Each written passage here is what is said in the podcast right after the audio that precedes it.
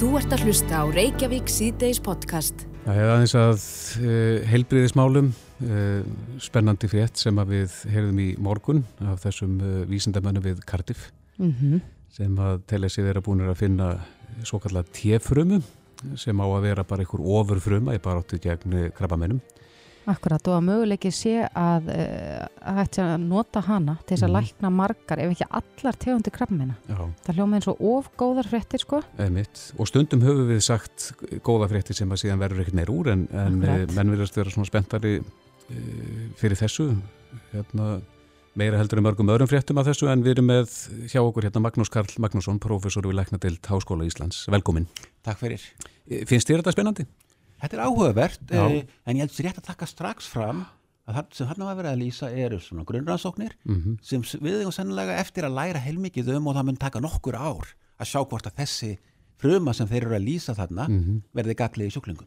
Þetta Hvað- er ekki nokkur ár, þannig að, en þetta er mjög áhugavert eh, en við erum stutt komin. Mm, hvað, segðu okkur hans, ef við byrjum á byrjunni, T-fruma, hvað, hvaða frum er það?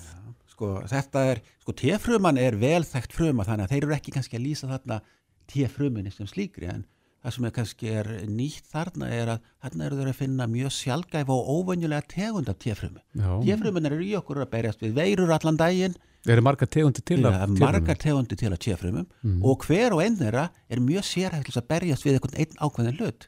Þannig að T-fruminnar eru til staðar í okkur, þeir eru að berjast við veirusýkingar, síðan hefum við uppkvæmt á síðustu árum að T-frumur geta e, hvað maður segja, hamlað og drepið krabbmeinsfrumur og þetta hafa menn verið að nýta sér á síðustu árum og þetta hafi verið mjög spennandi tími í krabbmeinslækningum að afhjúpa mátt ónæmiskerfið sem þetta berja sér krabbamein. Þannig að þetta hefur verið að gera svo síðustu svona 5-10 árum hefur við að sjá mikla framfæri þarna. Við erum farin að beita ákveðinu svona meðferðum hér á landi. En uh, þarna var kannski kom, uh, var afhjúpuð tjefruma sem hafa kannski svolítið óvenjulegri og viðtækari, uh, hvað maður segja áhrif heldur en við höfum séð með hefðbunna tjefrumur. Þetta er svona einhvers konar ofurfruma, eh, heyrismanni, en, en, en af hverju er hún þarna inn í okkur og gerir ekki nýtt? Já, það er góð spurning og við vitum það ekki og ég, ég veit ekki svari við því. Uh, uh, hvort að þessi fruma, þetta var það sem var, þarna þeir einanguðu tjefrumu úr einum uh, bara heilbrigðum einstaklingi og þeir fengu blóð úr honum og, og, og við erum öll með tjefrumur og þeim tókst einangra eina tjefrumu sem hafði mjög sérstaka eiginleika. Við vitum ekki hvort að við séum öll með nákvæmlega tjefrumur að þessari gerð með þessa eiginleika en að minnstu kosti er þið konni með eina þarna sem hefur eiginleika og það sem að gera hana svolítið sérstaka er að eh, flestar tjefrumur uh, virka einungis í þínum eigin líkama. Það er að segja að þær drepa einungis aðar, uh, hvað hún segja, siktar frumur uh, í þínum eigin líkama. Þann, en þessi tegunda tjefrumum virðist hafa eiginleika til að drepa bæði frumur úr eigin líkama uh, en geta líka drepið frumur í öðrum líkama þar að segja þau eru ekki háðar þessum vefja flokkum sem gerir uh, tjefrumunna venjulega með sértækar. E ef að þeir ná að, að eh, finna þessar frumur, er þetta rækt á þeir og, og búa til þá lif? Uh, það er hægt að uh, við erum þegar farin að já það er að segja, það eru þegar komnar fram tilruna meðferðir sem að lofa góðu þar sem að menn er að taka tíafrömmur úr sjúklingum þá er það sjúklinga uh, uh, tíafrömmur úr sjúklingum með krabbamein og setja inn í það gen sem mann vita að geta kveikt á tíafrömmunni og láta hann að ráðast á eitthvað alveg sértækt krabbamein.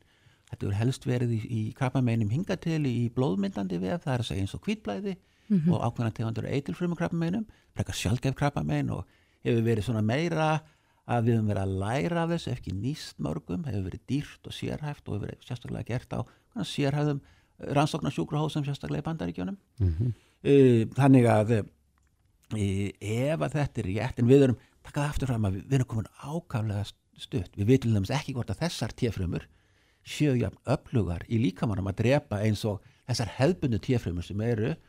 Ef að þeir þekkja krabbameinið þá eru það mjög öflugar í að drepa krabbamein við veitum ekki um til dæmis hversu sértæka þessar téfrumur eru í, að, e, í samanbyrði við hefðbundu téfrumunar Já, ég skil. Þannig að við hefum kannski ekki að fara fram úr okkur og, og vonast þess að lækninga á öllu krabbamenni sé bara í höfn. Nei, það hefur hef margur farið flatt á því og uh, það er mörg dæmi um það að menn hafa talið sem vera búin að finna lækningu í krabbameini en þetta er áhugavert, þetta byrtist í, í góðu vísindariti þannig að við farið í gegnum góða ritrýni, uh, við getum held ég treyst í að þessar niðurstöður séu ábyggilegar en þær eru stutt komnar.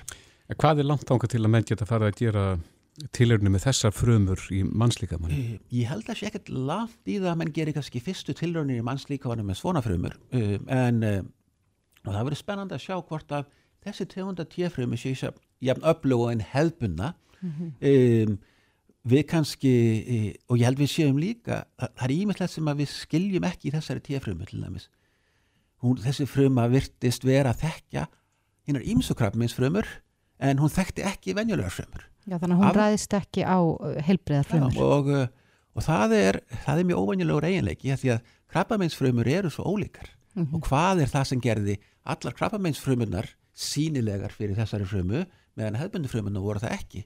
Og menn svona klóra þessi svolítið hausnum yfir því. Það er svona ákveðin svona hluti sem að menn telja í greininni að tengist efnaskiptum krabbameina sem er svolítið öðru sem heldur hefðbundin efnaskipt í frumum. En eh, ég held að eh, áður en menn missa sig þá vilja menn til að skilja hverju, hvað er það sem, á, sem að þessi frumar að þekkja á krabbameinsfrumunum búið saman með hefðbundu frumunar mm -hmm. því venjulega það hefur að komið í ljós að flestar meðferðir Sérstaklega þær sem hafa reynst vel hafa líka verið mjög sérhæður hafa duga einungis ákveðnum tegundum hreppmennu. Mm. Það er hann að koma svona ákveðnar aðveruna bjöllur að það væri mjög skrítið að við fórum allt inn að fá meðferð sem myndi duga á mjög margar frumur en, en við skulum leif okkur að vera e, svona spennt yfir þessu en hóflega björnsinn. Já, hóflega björnsinn, akkurat. Það er spennandi. Já, akkurat. Er, er þetta, þar að segja, eru menn fannir að fara meira í þess áttina? Það er að segja, e, nýta ónæmiskerfi líkamast til þess að berjast við frekar heldur en að, að koma með eitthvað sterk líf sem, að, sem að já, bæla ég, niður ég, ég myndi kannski ekki orða að þannig að það sé að koma í staðin fyrir, ég held að eh, við myndum sagt kannski að helstu framfærir á síðustu tíu árum hafa verið í meðferðin sem hafa beint sjónum á ónæmiskerfunu og kannski verið, þær helstu sem hafa verið eru að það kemur í ljós að ónæmiskerfið í sjúklingum með krabbamein virðist ofta tíðum þekka krabbameinið en það er eitthvað í krabbameinum sem gera það verkum að tjefrömmunar í, í sjúklingnum að það er ná ekki drepa frömmunar að það er eins og það er að krabbameina hafi svona breytti yfir sig huluðsjúp Getur verið að þessar eh, tjefrömmur, þessar sterku eins og eru hér til umræðu að mm. það er einfallega bara vandi í þá sem að eru með krabbamein Það gæti verið en ég um, ég held að sennilega séu þetta mjög sjálfgæfar frömmur og þarna séu kannski leiðin er að taka þér út og magna þér upp. Eh, og þess vegna sjöður þessi árangur þegar það var náð þarna mjög sjálfgrefi frumu upp og náða magnanu upp. Eh, en ég, þetta eru ágiskanir hjá mér og, og ég held að við séum stutt komin en e, við höfum séð á síðust árum að ef við náum að virka tíafrumunar í sjúklingum e, til þess að ráðast á krafminsfrumur þá hafa menn séð mjög góð viðbröð og það verður spennand að sjá hvað gerist með þessa sérstakar Einmitt. Þetta er spennandi. Magnús Karl Magnússon, eh, profesor við Læknatild Háskóla Íslands. Kæra þætti fyrir komina. Takk fyrir mig. Þú ert að hlusta á Reykjavík C-Days podcast. Jæja, Reykjavík C-Days, við ætlum að stjalla okkur næstir á Þing. Nú er Þing komið saman aftur eftir jólafrí. Já. En uh, miðflokkurinn með Ólaf Íslefsson í ferrabróti leggur fram uh, hérna, Þingmál í dag og, og Ólaf Íslefsson mæli fyrir því. Þetta er svo kallar likla frumvarp. Ólaf er á línunu, kom til sæl. Sælverði. Já, likla frumvarp, við heyrðum svolítið minnst á likla frumvarp hér eh, eftir hrun og uh, mér minnir að Lilja Mósestóttir hafa nú verið fremst í flokki þá en uh, út af hvað gengur ykkar likla frumvarp? Sko það er alveg rétt að það hafa verið gerðar nokkra tilvönir til þess að fá samþýtt hérna likla frumvarp og það var reynd eftir hrun og, og sannlega uh, átti Lilja mikilvæg að þátti því máli og mm -hmm. kannski fremst með lefningja uh, sko hruni leiti það auðvitað í ljós að slíkt úrræði verður að vera fyrir hendi Já, út af hvað gengur það svona við byrjum á því? Já, það gengur út á það að það sé gert ráð fyrir því að þegar að öll ráðanur hafi verið reynd að þá sé skuldara heimilt að bara aðfenda liklana mm -hmm. þannig að eignin sem að er þetta veði fyrir lánunu að aðfending hennar að hún teljist vera fullnar uppgjör á, á, á, því, læn, á því láni sem við bræðir. Og gengur þá sá aðli bara frá borðinu á núli? Já, það er mm. um það snýst málið og þetta hefur það að markmiði meðan þess að stuðla að uh, betra jafnvægi í, í, í milli aðila lánsamins og stuðla því að uh, lánveitingar fari fram kannski með vandari hætti heldur en, heldur en stundum hefur verið uppi. Mm -hmm. Þannig að menn gerir sér grein fyrir því, lánveitindur, að þeir gerir sér grein fyrir því að þessi staða gerir komið upp að uh, þessi réttur lántakardans verði virkur og hann geti gengið frá borði með þeim hætti sem hér er lagt til. Já, en hver hefur svona, hver hafa rökin verið fyrir því að, að þetta teljist ekki sem fullnaða greiðsla vegna sem maður myndi nú halda það að eignin sem að þarna er undir að, að hún ætti nú að standa undir þá því sem eftir stendur?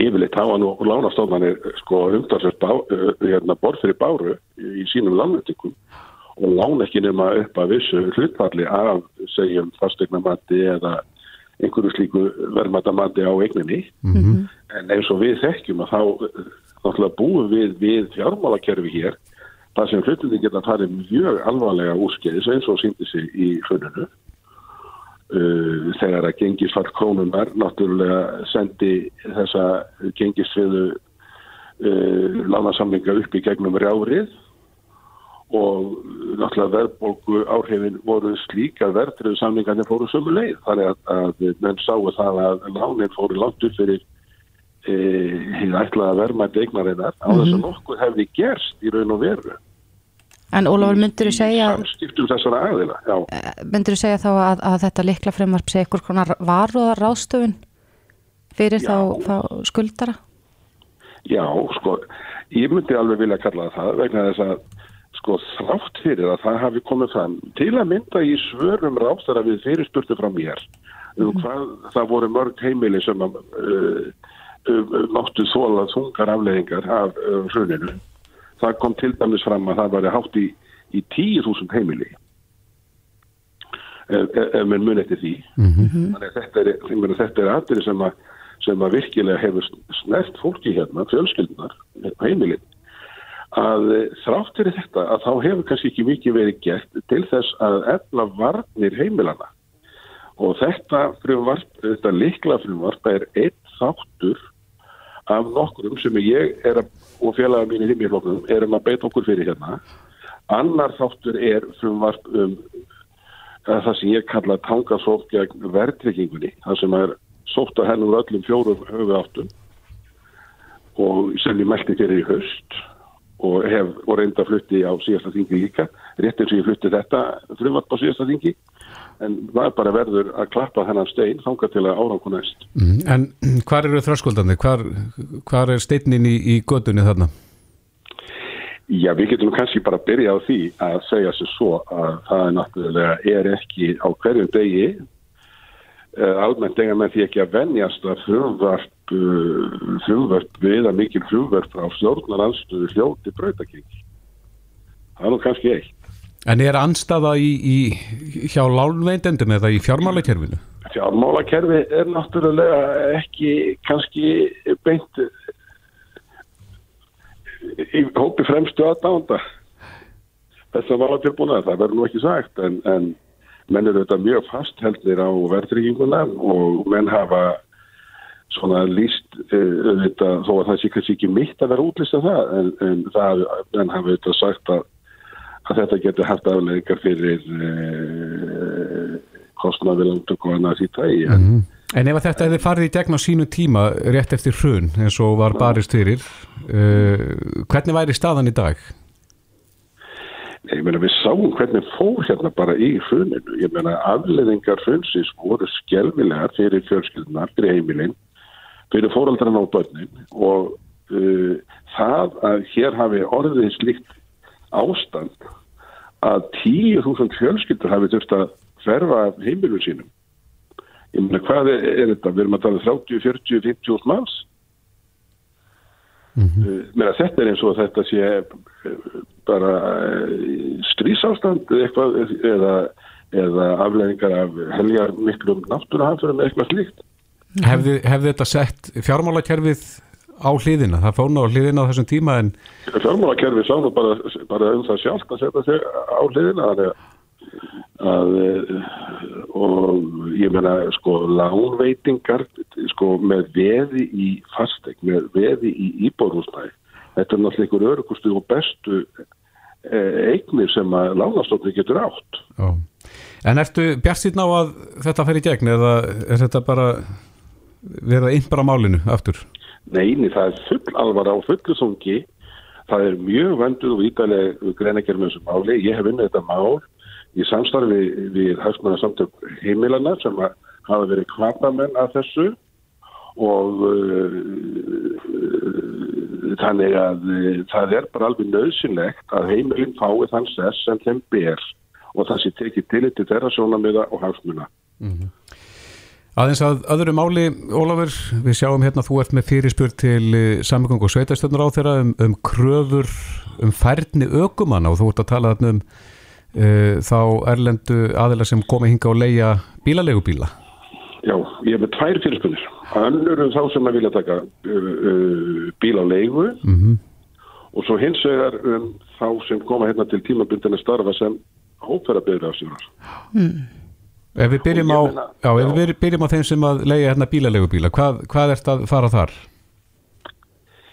Ég vil bara vekja máls að því með þessari fyrirspurn og fá fram við horf ráð þeirra til þess hvaða kröfur ber að gera til einstaklingar sem er higgist taka uh, bíl á leiðu. Hérna. Við erum hérna með sko heilmikið kerfi, ökunám og mjög vandað og, og það fer ekki neitt út um fyrir nefnum að þannig að ljúka bæðið munlegu og verkleg og prófi og, og allt það við þekkjum þetta. Við erum alltaf tekið bílbóð eða flest. Mm -hmm. Við vitum sko, ég finna hér er svo aðstæða uppi að fjöldi manns kemur hérna erlendus frá og, og spurningin er hvaða kröfur er eðlert að gera. Ég vísa til að mynda í sam evróskar kröfur og ég spyr hvernig er þetta að tryggja það að þeir sem er að taka bílalegur fullna í slíku kröfum og hvaða aðgerðir áforma ráþara sem að lúta aukufærni til að auka öryggi í umferðinni, hvort sem er í þittbíli eða á vegum úti.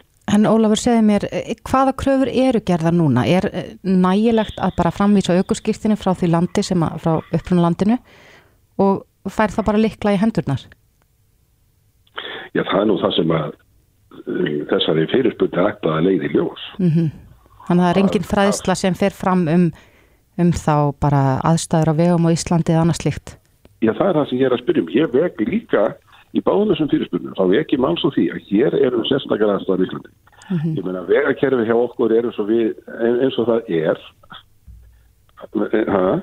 og síðan er náttúrulega veðurfari hér eins og það er og, og, og, og hérna sko færir menn og kunnáttur menn þeir eru að, að tala um dæmi þess að, að það sé verið að akka hérna, til að mynda hópferðarbyrðum í veðri sem engum manni sem þekkir til staðháttan uh, myndi þetta í hug að reyfa bíl til dæmis í veðarfastlu og tiliti. Mm -hmm. Og það er sérst annar hluta fyrirspurninni varandi þá bílstar sem koma hinga tímabundi já, og akka hópið.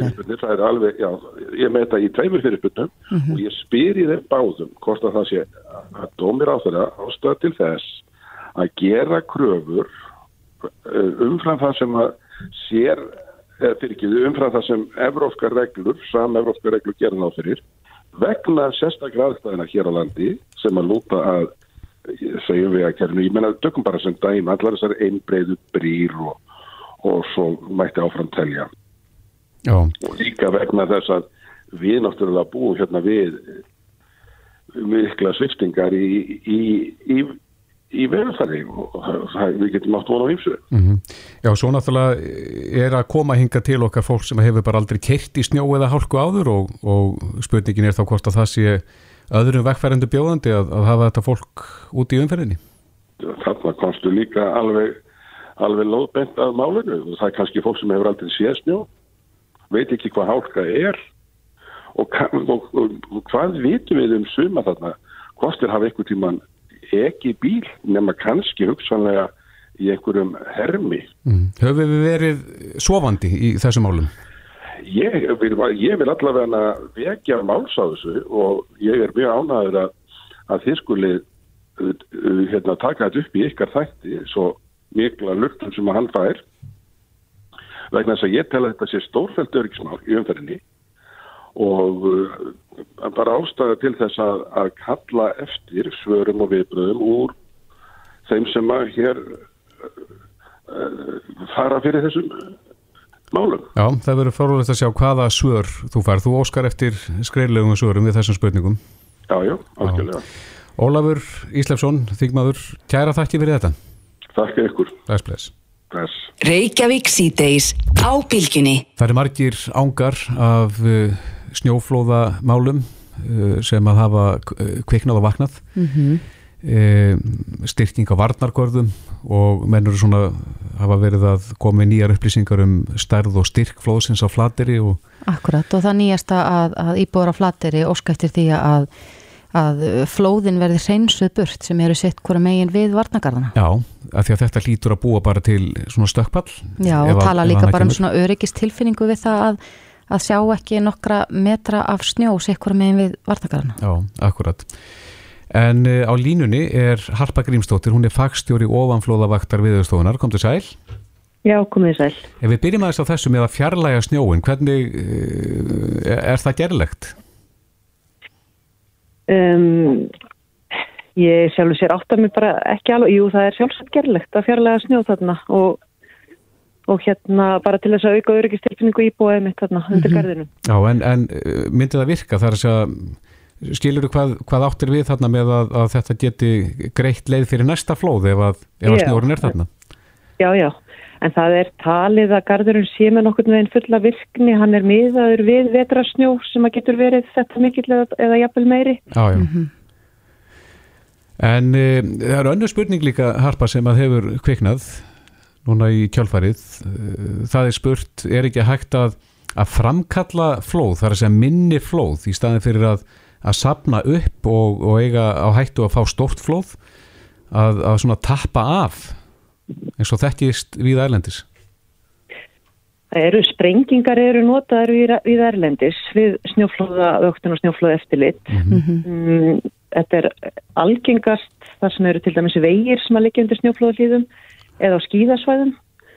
Þannig að hægt sé þá að loka viðkomandi vegi eða loka liftu eða skíðasvæði og, og sprengja á staða snjóflóð mm -hmm. og hérna séðan hægt að opna aftur þegar að uh, talið er að hætta sér liðin hjá það er ekki algengt ofan við byggð þótt þetta þekkist einhverstaðar og það er auðvitað vegna hættunar á því að setja á stað flóð sem að geta valdið tjóni. Mm. Ég er ekkert að segja með vissu og það hefur hugsanlega ekki farið þá af náttúrulegum orsökum. Mm. En er ekkert að segja með vissu hvort að flóði geti orðið stórt eða ekki? Svona með að við bara snjó mag Það er að sjálfsögðu hægt að segja eitthvað um líkunar af því en það er ekkert að segja með vissu. Nei. En væri þetta hægt að sem að fyrir ekki, væri þetta hægt það sem að varnargarður er til staðar? Þetta er alveg augljóslega eitt af því sem að þarf að skoða sagt, svona aðgerðir e, í blandu við varnargarða hvort að það sé mögulegt og er eitt af því fjölmarka sem að þarf bara að, að fara yfir núna á næstunni. Hefur þetta aldrei verið gert? Á Íslandi hefa sprengingar ekki verið notaðar í þessum tilgangi. Hlýðarfjall, skíðasvæðu Akureyri er hins vegar að setja upp sprengiturn sem er hluta af vörnum fyrir nýja liftur sem að þar er verið að reysa. Já, já. Og það verður þá í fyrsta skipti sem að sprengingar eru notaðar svona kerfispundið við uh, að, að draga úr snjóflóðahættu á Íslandi. Já, hvernig er flóðun að komið að stað? Með, er, er sprengjefni notað eða er þetta háfaði eða hvað er, hvað er gert? Það er sprengjefni, það er ekki hljóð, eitt og sér kemur ekki af stað sem sagt hérna snjóflóðun, heldur þarf höggbylgi til mm -hmm. og þetta, það eru til mismund aðferður við að sprengja niður snjóflóð um, sumstaðar er á skíðasvæðum er kannski jæfnvel bara notað einhver handsprengjibúna þar sem að menn komast öruga leið ofan brekkur, geta hend einhverju niður stundum eru þyrllur notaðar mm. og það er til þess eitthvað sprengjibúna til að hengja niðan í þyrllur til þess að, hérna, að komast á snjóflóðum en það er augljóslega háð því að það sé gett á í góðu veðri þegar hægt er að fljúa mm -hmm. En það er líka til sprengibúnaðir sem er sem sagt, bara fastur á staðnum upp í viðkomandi upptækarsvæði og sprengt með bara fjárstyringu. Mm -hmm. En hefur, veist þú til þess að þetta hafi verið rætt hérna? Svona á þeim svæðum þar sem að, já, snjóflóð eru hvað algengari? Þetta hefur verið rætt hérna sérstaklega fyrir vegi og skíðasvæði mest. En ekki fyrir Eh, ofan Ekki byggð? mikið fyrir byggð en er eitt af því sem að þarf bara að skoða. Já, áttu vona því að menn skoði það í alvöru núna með á þessum stöðum þar sem að snjóflóð hafa fallið fyrir ofan byggð. Það þarf bara að fara yfir hérna alla mögulega kosti og bara skoða þá í róliheitum og vega og metta kosti og galla. Já. Hvað, hvað höfum við lært sérstaklega núna af þessu flóði á flateri núna? Er eitthvað ný vitnestja sem að, sem að kemur til með að breyta þá hvernig bröðust eru við? Við þurfum að sjálfsögða eins lengri tíma til þess að hérna skoða það og meta í róliheitum. Það sem við sjáum núna á flatir er að það er líklegt að það sé svo kallar skopplag snjóflóðsins sem hafi farið við garðin en ekki sjálfur þjættikjarnin sem að er svona neðsti hluti snjóflóðsins og hérna er sem sagt þjættasti kjarnin. Snjóflóð, þurr snjóflóð eru þannig að þau eru með þjættan kjarnar neðist, síðan tekur við eitthvað sem að þau verið kallað skopplag Mm sem að er, með, er meira loftblandað og fyrir ofan það er síðan kóf sem er þá ennþá meira loftblandað. Var, var Í það þessu af... tilfelli virðast garðarnir við hérna, þessar fyrstu aðtunir hafa beint sem sagt þjætta kjarnanum frá byggðinni Mm en skopplægið farið yfir að hluta til. Var það skopplæði sem fór það yfir, yfir höfnina? Eða, Nei, þar er hérna garðurinn sem sagt verið ekki höfnina og snjóflóði sjálft hefur bara beinst í þá átt. já, en þetta skopplæg hefur verið nógu kröftugt samt til þess að, að hérna, fara í gegnum íbúðurhúsarna og Já, þarna rétt undir garðinum hefur það verið nógu kröftu til þess að, að velta bílum og, og, og fara inn í íbúðarhús. Já, akkurat. En áttu vona því að, Verið á mikill í ferð. já, er, kemur það inn á ykkar borði að, að fjarlæga snjóin hann eins og, eins og íbúar hafa óskað eftir? Uh, ég reikna með að það komi inn á borð uh, bæjar yfirvalda eða eitthvað svoleiðis. Já. Eða almannavarna yfirvalda á staðnum. Að keira snjóin í burtu. En, en, en áttu vona því harpa að, að það verði farið í að nota sprengingar meira til að, að tappa af? Ég veit ekki um, varðandi byggðina. Það er bara eitt af því sem það þarf að skoða í bland við varnavirki og verið þá alltaf í bland sem sagt, með varnavirkjum. En ég á vona því að snjóflaðsprenginga verði notaður í einhvern mæli á Íslandi til þess að bæta öryggi á, á skíðasvæðum og á hérna vegum. Já. Akkurat. Harpa Grímsdóttir, fagstjóri óanflóðavaktar veðurstofunar. Kæra þakki fyrir þetta.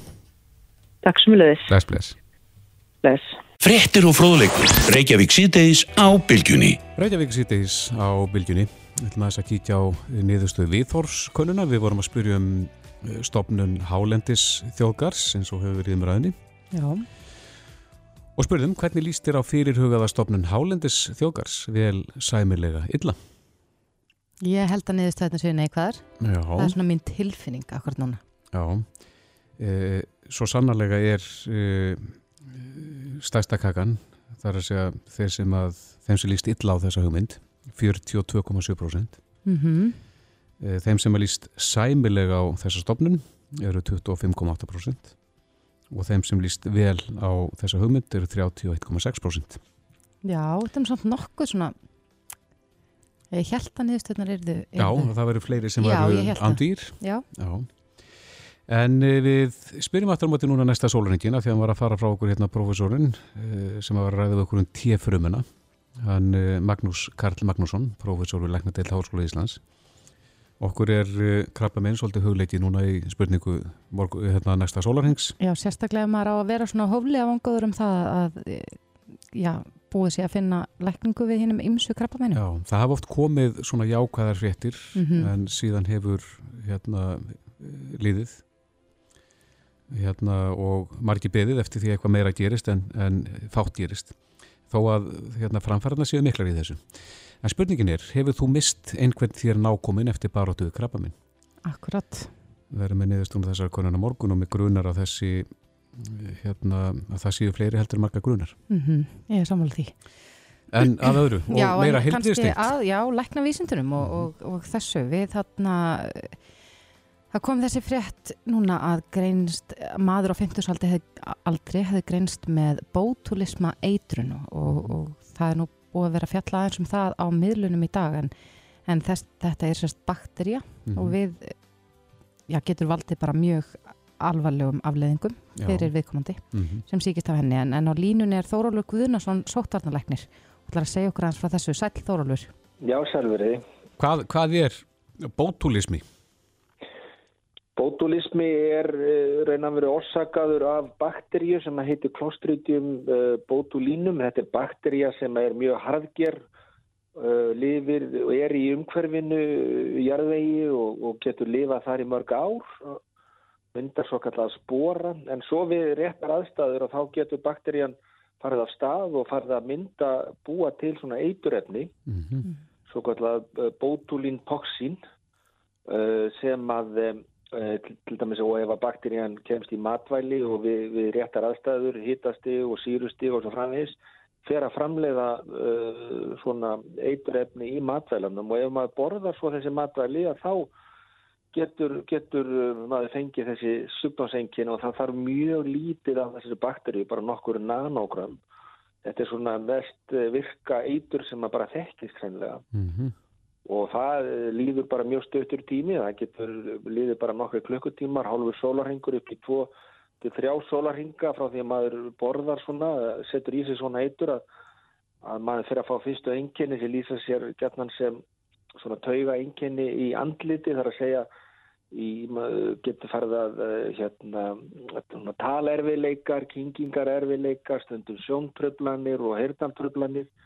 Þetta byrjar oft kannski með svona magaengjenu líka, fólk getur fengið jafnvel eh, í fyrstu svona niðurgang og síðan jafnvel hægðatrægðu.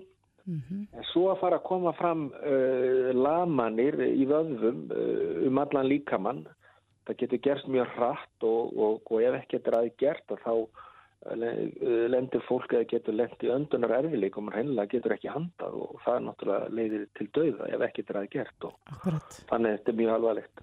En nú greindist eh, sem sagt, Íslandingur hérna á Norðurlandi með þessa eitrun. Um, er þetta áður þekkt hér á landi að fólk sérst, já, verði svona veikir af völdum bótulisma? Hefur ykkur hérna greinst áður hér? Já, þetta er mjög sjálfgæft hér. Frá árinu 1949 hafa alls tíu einstaklingar greinst hér.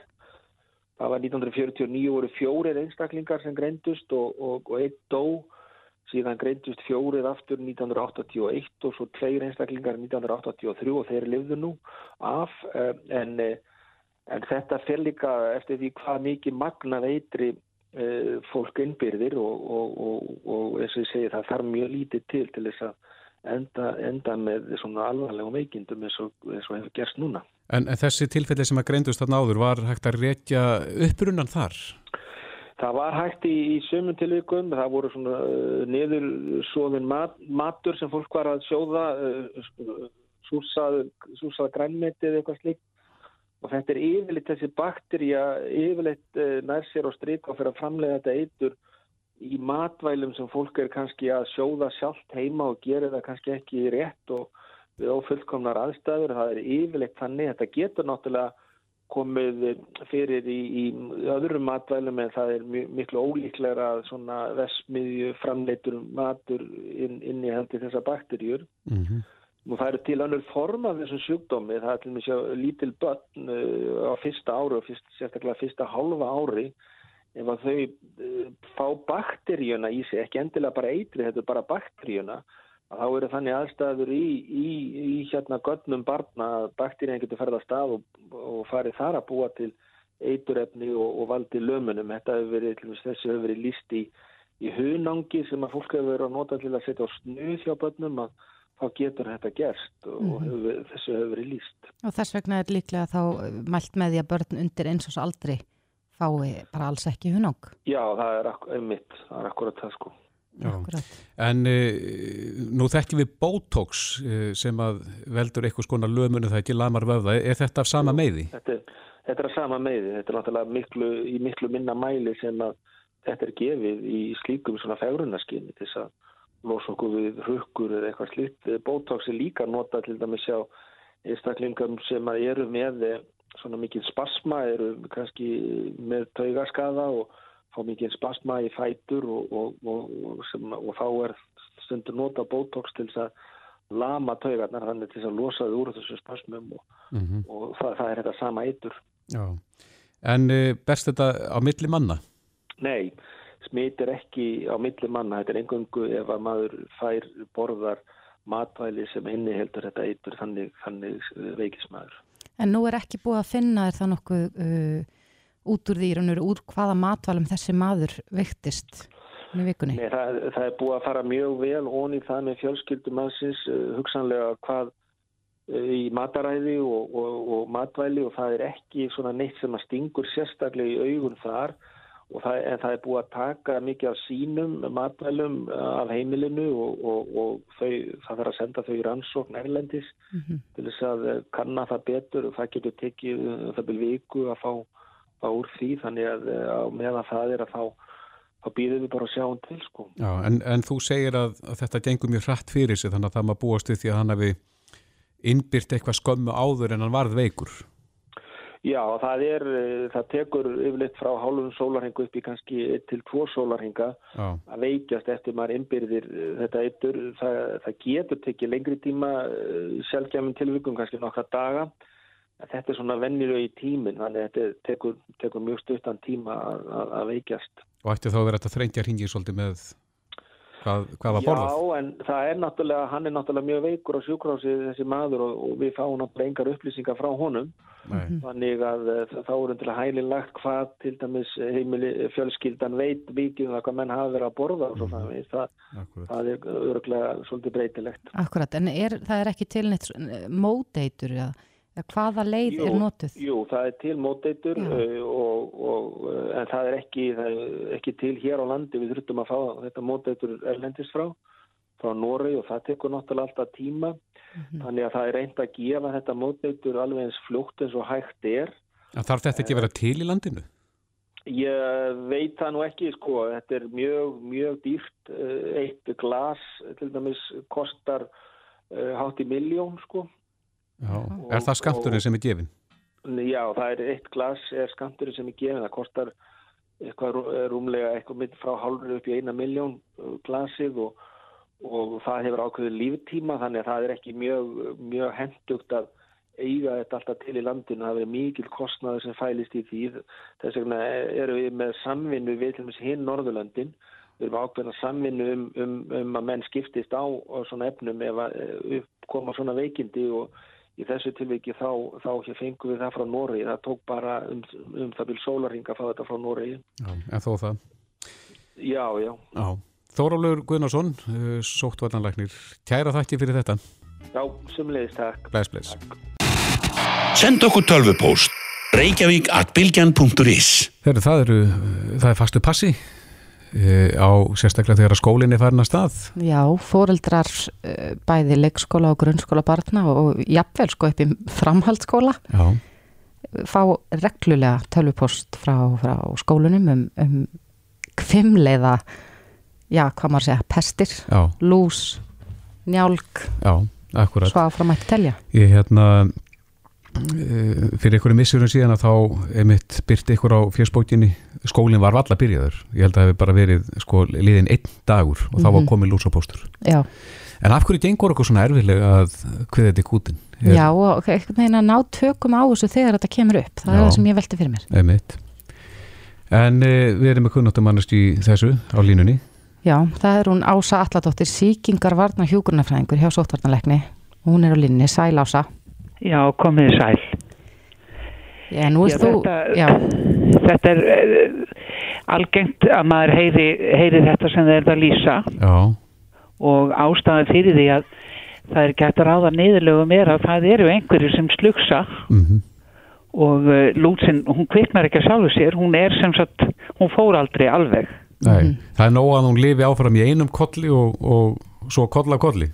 Já, Já. og það er nefnilega málið að sko foreldri sem fær lúsapost og gerir allt sem að í hans í valdi stendur og kendir og meðhendlar að getur alveg átt hætt á því að sessunauturinn hann komi bara með sína lús áfram í skólan og smiti þá aftur strax. Já. Já, þannig að ábyrðin er í raun og veru í höndum fóreldra að, að sinna þessum postum og, og taka málun alvarlega.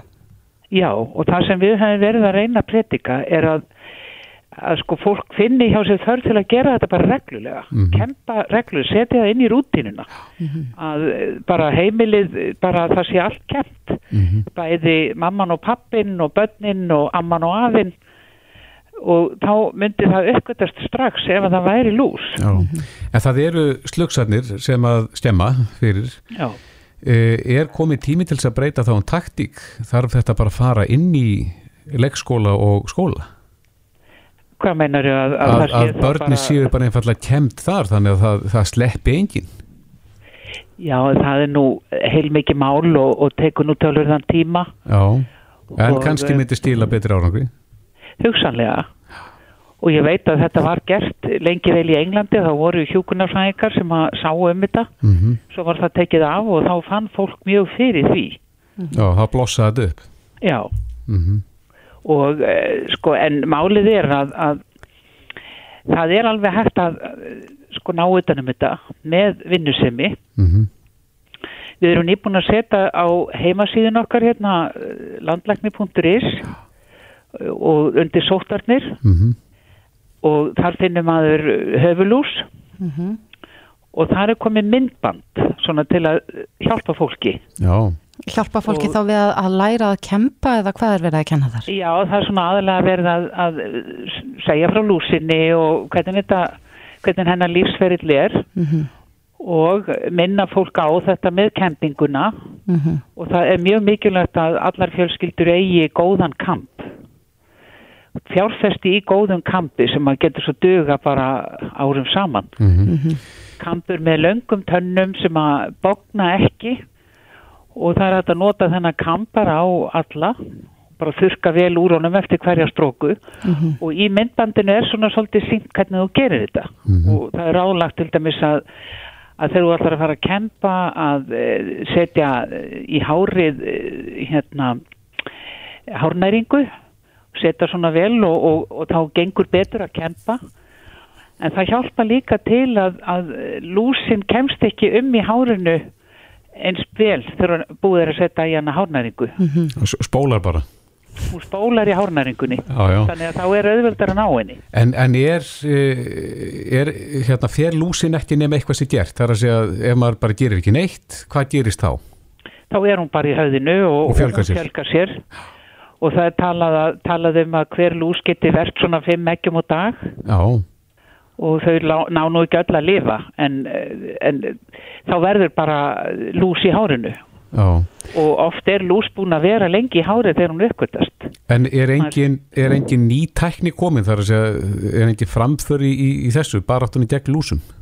Nei, það er nú óskup lítil framför. Það koma náttúrulega ný efni á markað og það er heilmikið gróska í þeirri framleyslu og þau eru orðin bara tölvöld dýr. Það kostar heilmikið, ein, ein flaska af svona lúsameðali. Þannig að þetta getur orðið undansveru peningu sem fólk eh, þarf að leggja út. Já, nú hef ég nú heyrt að, þrjú börn og, og, og hugsanlega einhverja fullorna og þarf að meðhendla og síðan þarf að endur taka meðferðina eftir kannski viku tíu daga. en nú eru til ímis svona, svona heimilisráð við, við þessu eins og fyrirbyggjandi meðferð með tí, trí, ólju og, og fólk hefur verið að gjössamlega að kæfa lúsina í ólífólju og ég veit ekki hvað og hvað. Virkar Mæli- þetta? Já. enga trú á því Nei, og uh, það er- lang best að nota kempinguna mm og þú getur nota kempinguna einn og sér sem meðferð. En mælur þú sem sagt með þessum lúsa sjampóm fyrir þá sem hafa fundið lús í höfði? Að maður fari þá í apotek og, og, og fái viðegandi meðferð? Já, sko, ég mæla ekkit sérstaklega með því þannig séð, sko. Þau eru misjöfn, þessi efni. Já. Já, en þú mælir þá með eh, kempinguna, bara fjarlæga Fyrst alla og lús fremst þannig. mæli ég með kempingu. Mm Númer 1, 2 og 3. Og það eru þetta ódýrasta og örugasta leiðin til að losna við lús. Það er bara að kempa. Já, og þú nærðu öllu með því, þú nærðu lúsinni og svo hvað? Netinu. Já, Nitin, sko, það tekur nitina kannski 7-10 dagar kleikast út. Þegar hún klekst út, þá kemur út pínulítið lús og hún er það er oft erfitt að ná í hana. já, þannig að uh, vegna hennar er stundum gott að vera með svona efni sem að mm -hmm. uh, drepur þá lúsina En erum við með einhverja... Pínu lítil og erfitt að ná henni með kampinu. Já, ég skil. En, en erum við með einhverja tölfræðum að hversu algengt þetta er hérna? Nei, okkur hefur nefnilega gengið ítla að, að fá upplýsingar um það. Við, mm -hmm. sko, hún telst sem skráningaskildu sjúkdómur, lúsin. Og það þýðir að, að helsugjastuðstöðu var ætti að senda okkur fjöldatölur um smitt. Mm -hmm. En eiga þær tölur að koma þá frá skólunum? Það er yfirleitt ekki á helsugjastuðstöð út af lús. Nei, nei. Þannig að það er bara alveg vonlust að, að fá tölurnar með þeim hætti. Svo voru við um tíma að, að fylgjast með sölu og lúsa efnum mm -hmm.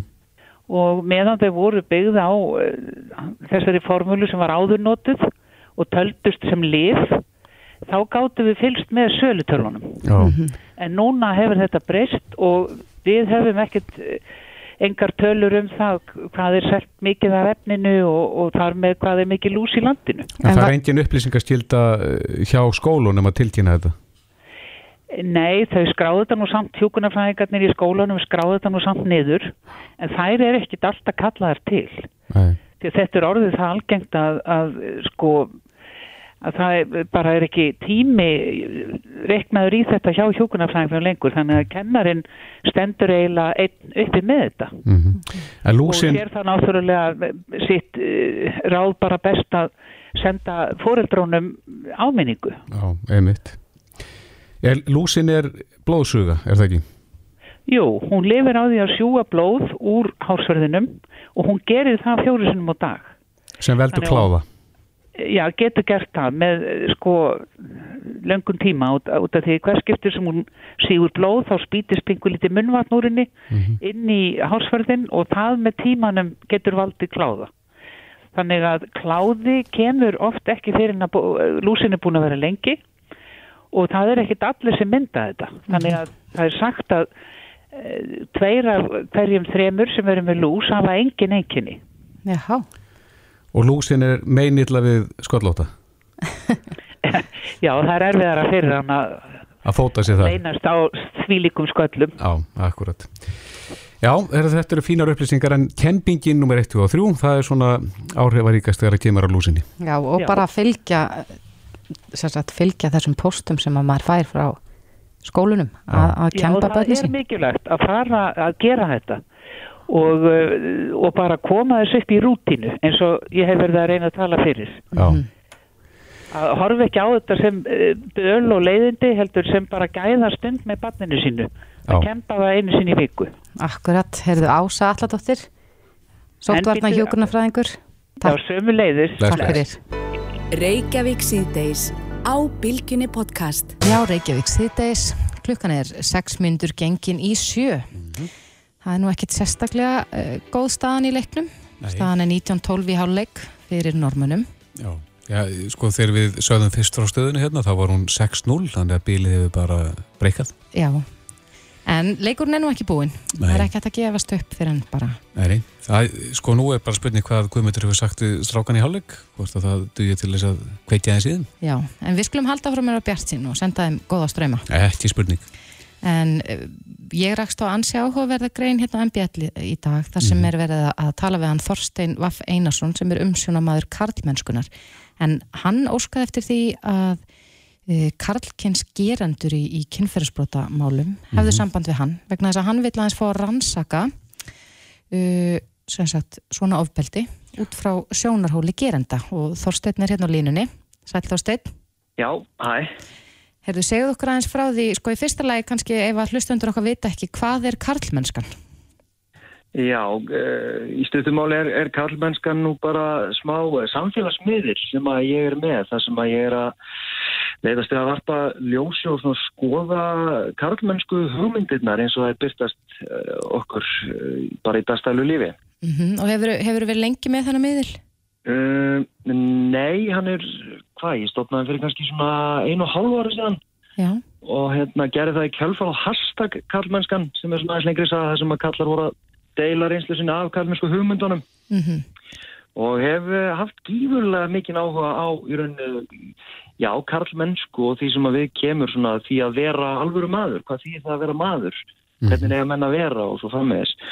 En hérna, en að því þú nefnir sko það að ég sé að leta fyrir gerendum, eh, að þá eh, er þetta liður í eh, því að ég er að framlega núna á næstunni, þess að ég er að undirbúningsvinnu við við fjóra til fimm vef sjónarsþætti sem ég er að vinna með stundinni Mhm. og, og þetta í rauninni var svona smá kvatvísi það sem ég postaði einum postiði mitt uh, setti neitt einslega á, á samfélagsmiðlum en það sem ég óskaði eftir gerendum og þetta hefur verið pikkað upp á nokkrum fjölmiðlum þannig að þetta hefur vakið smá aðtikli en ég er í rauninni bara er, ég vil ekki í rauninni kalla þetta rannsóng af því að ég er bara að forvitnast. Ég er bara að forvitnast hvort að menn séu tilbúinu til þess að hafa sambandið mig og, og tala við mig um sína reynslu Mhm. og gefa mig svona einsinn inn í sitt sjónarhótt sem, sem gerandi af því að það að mínu veit fer náttúrulega kannski skiljanlega og eðlilega fer minna fyrir sjónarhóttin geranda í svona þessum uh, já, ræðilegu málum oft á tíðum. En þú vilt tala við karlmenn, eh, er það þá í mynd? Þar að sem viltu taka viðtal við á í, í mynd? Eh, til að byrja með, nei, eh, til að byrja með vil ég bara fá uh, annarkvort senda frásögn eða hitta menn í bara stutt spjall. Þannig að, og þetta er aðalega til þess að forveitnast, ég sé alveg fyrir mér að mögulega fá einhvern af þeim í, viðtal en ég veit ekki hvort að það sé við hæði að gera það í mynd eins og, eins og í dag en mögulega bara þannig að hann sé ekki þekkjanlegur. En, en eh, hvert er markmiðið með því að tala við þessa karlmenn?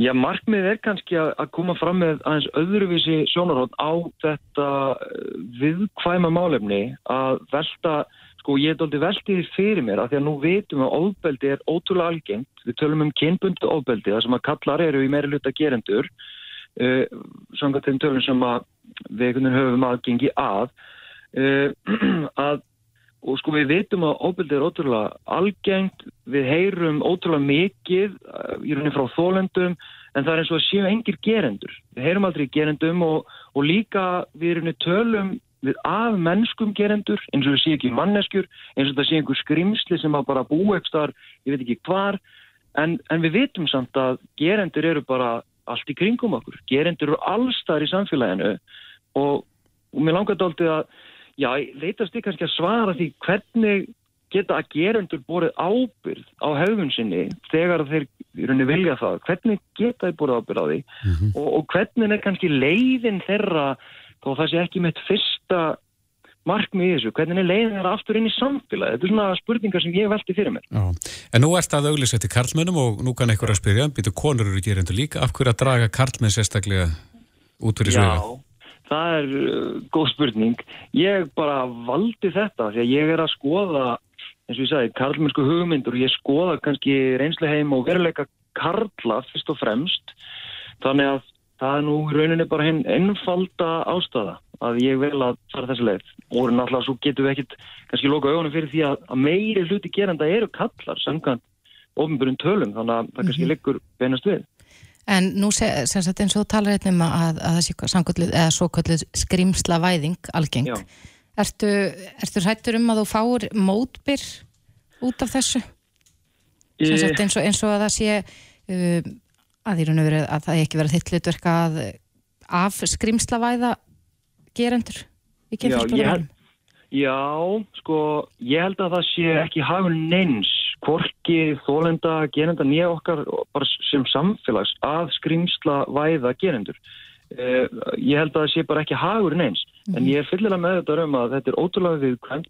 Ég er ekki að fara einhvern veginn að hylla gerendur sem einhvers konar hetjur, skilur, ég, ég, ég meðvitað um að þetta er ótrúlega eldfind og þetta er viðkvæmt og já, það má alveg búast við því að einhverjum finnst þetta óviðandi og, og hérna, ég veit það ekki, þess vegna vil ég reyna að vanda mig, þess vegna vil ég líka uh, fá aðstof mér fróðra fólks og, og ég hef uh, átt samtöl við doktorsnema sem er einmitt að rannsaka gerendur og hérna og, og býð þeim sem hafa samt, haft samband við mig um að uh, taka þátt í þeirri rannsókn en ég er fyrst og fremst að þessu verið forfnissakir á meðan að kannski aðrir eru meira svona í, í rannsóknarvinnunni og eru þá sérfrængar á þessu sviði. En Þorsteinn, nú bara svona rétt í lokin, hvar Já. þarna, eh, þú ert ennþá að leita eftir viðmælundum, ekki satt? Þannig að hvar er, Jú, væri þá réttast að, að nálgast þig? sko það eru kannski þrjár meginleiðir. Ég er með Facebook sem bara heitir Kallmennskan. Það er hægt að senda mér skilabóð þar. Það er hægt að senda mér skilabóð Instagram, Kallmennskan þar. Og það er líka að senda mér bara eh, tölvupost á þorsteinnvaff.gmail. Allt í læg. Herruðu, Þorsteinn Einarsson, umsjóðamaður Karlmennskunar, takk kærlega fyrir þetta. Kæra þakkir.